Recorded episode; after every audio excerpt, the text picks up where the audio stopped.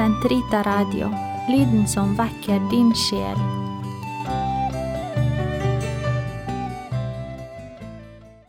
Den katolske kirkes katekisme, uke tre,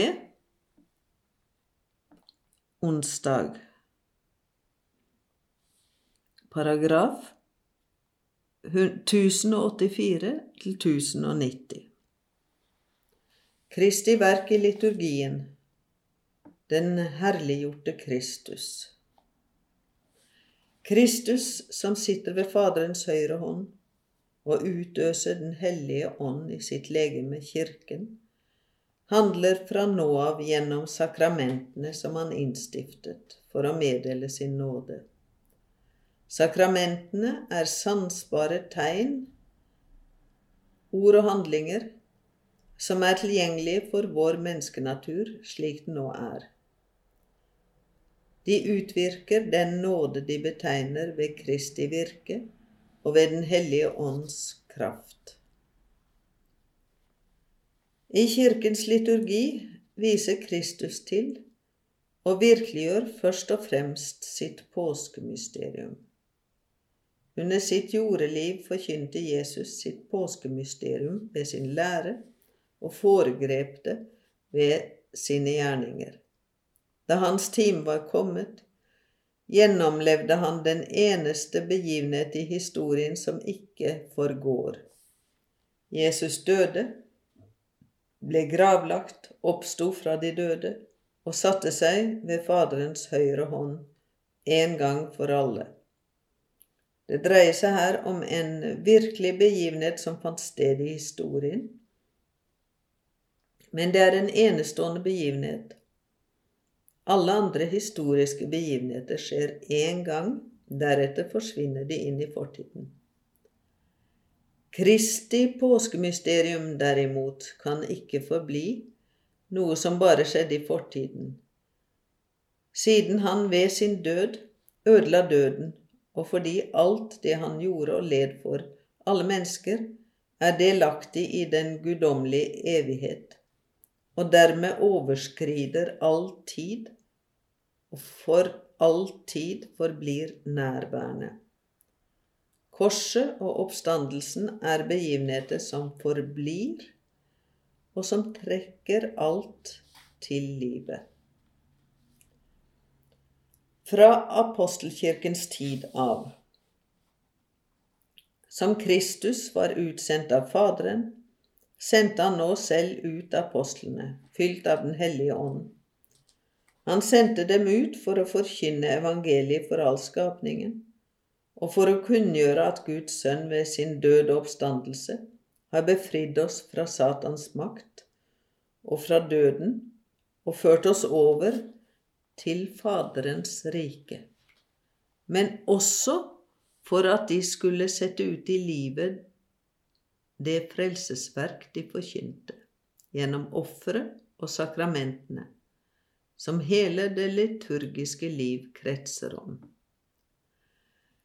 Ved å gi Den hellige ånd til apostlene meddeler den oppstandende Kristus dem sin helliggjørende kraft.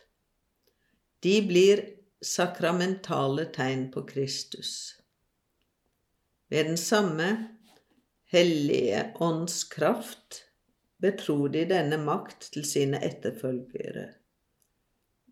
Denne apostoliske suksesjon strukturerer hele Kirkens liturgiske liv.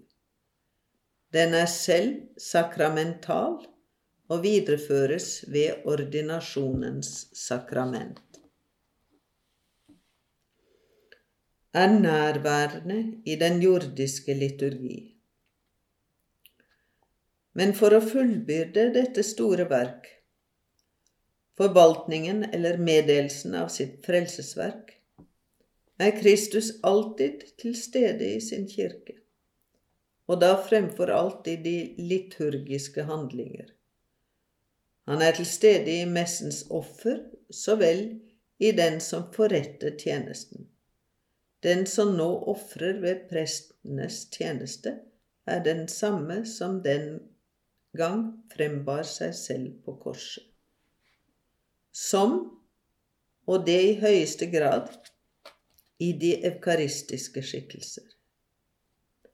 Med sin kraft er han til stede i sakramentene, slik at når noen døper, er det Kristus selv som døper. Han er til stede i sitt ord, slik at det er han selv som taler når de hellige skrifter leses opp i kirken. Han er også til stede når kirken ber og lovsynger.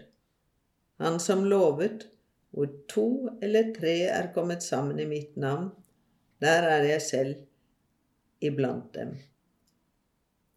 For til, for til fullbyrdelsen av denne sin gjerning, hvorved Gud ytes all heder og ære, og menneskene helliges, knytter Kristus alltid sin kirke.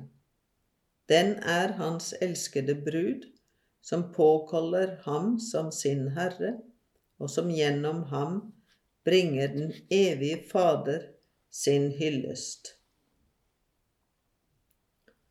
Som deltar i den himmelske liturgi. Den jordiske liturgi gir oss allerede del i den himmelske, som i en forsmak den himmelske liturgi som feires i den hellige stad Jerusalem, som vi er på vandring mot, der hvor Kristus sitter ved Guds høyre hånd som tjener ved helligdommen, ved det virkelige paktstelt.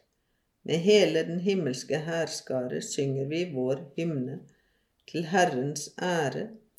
Idet vi ærer de helliges minne, håper vi å få lodd og del i deres samfunn og vi venter på vår Herre Kristus selv som vår frelser, inntil Han selv trer frem som vårt liv, og vi med ham i herlighet.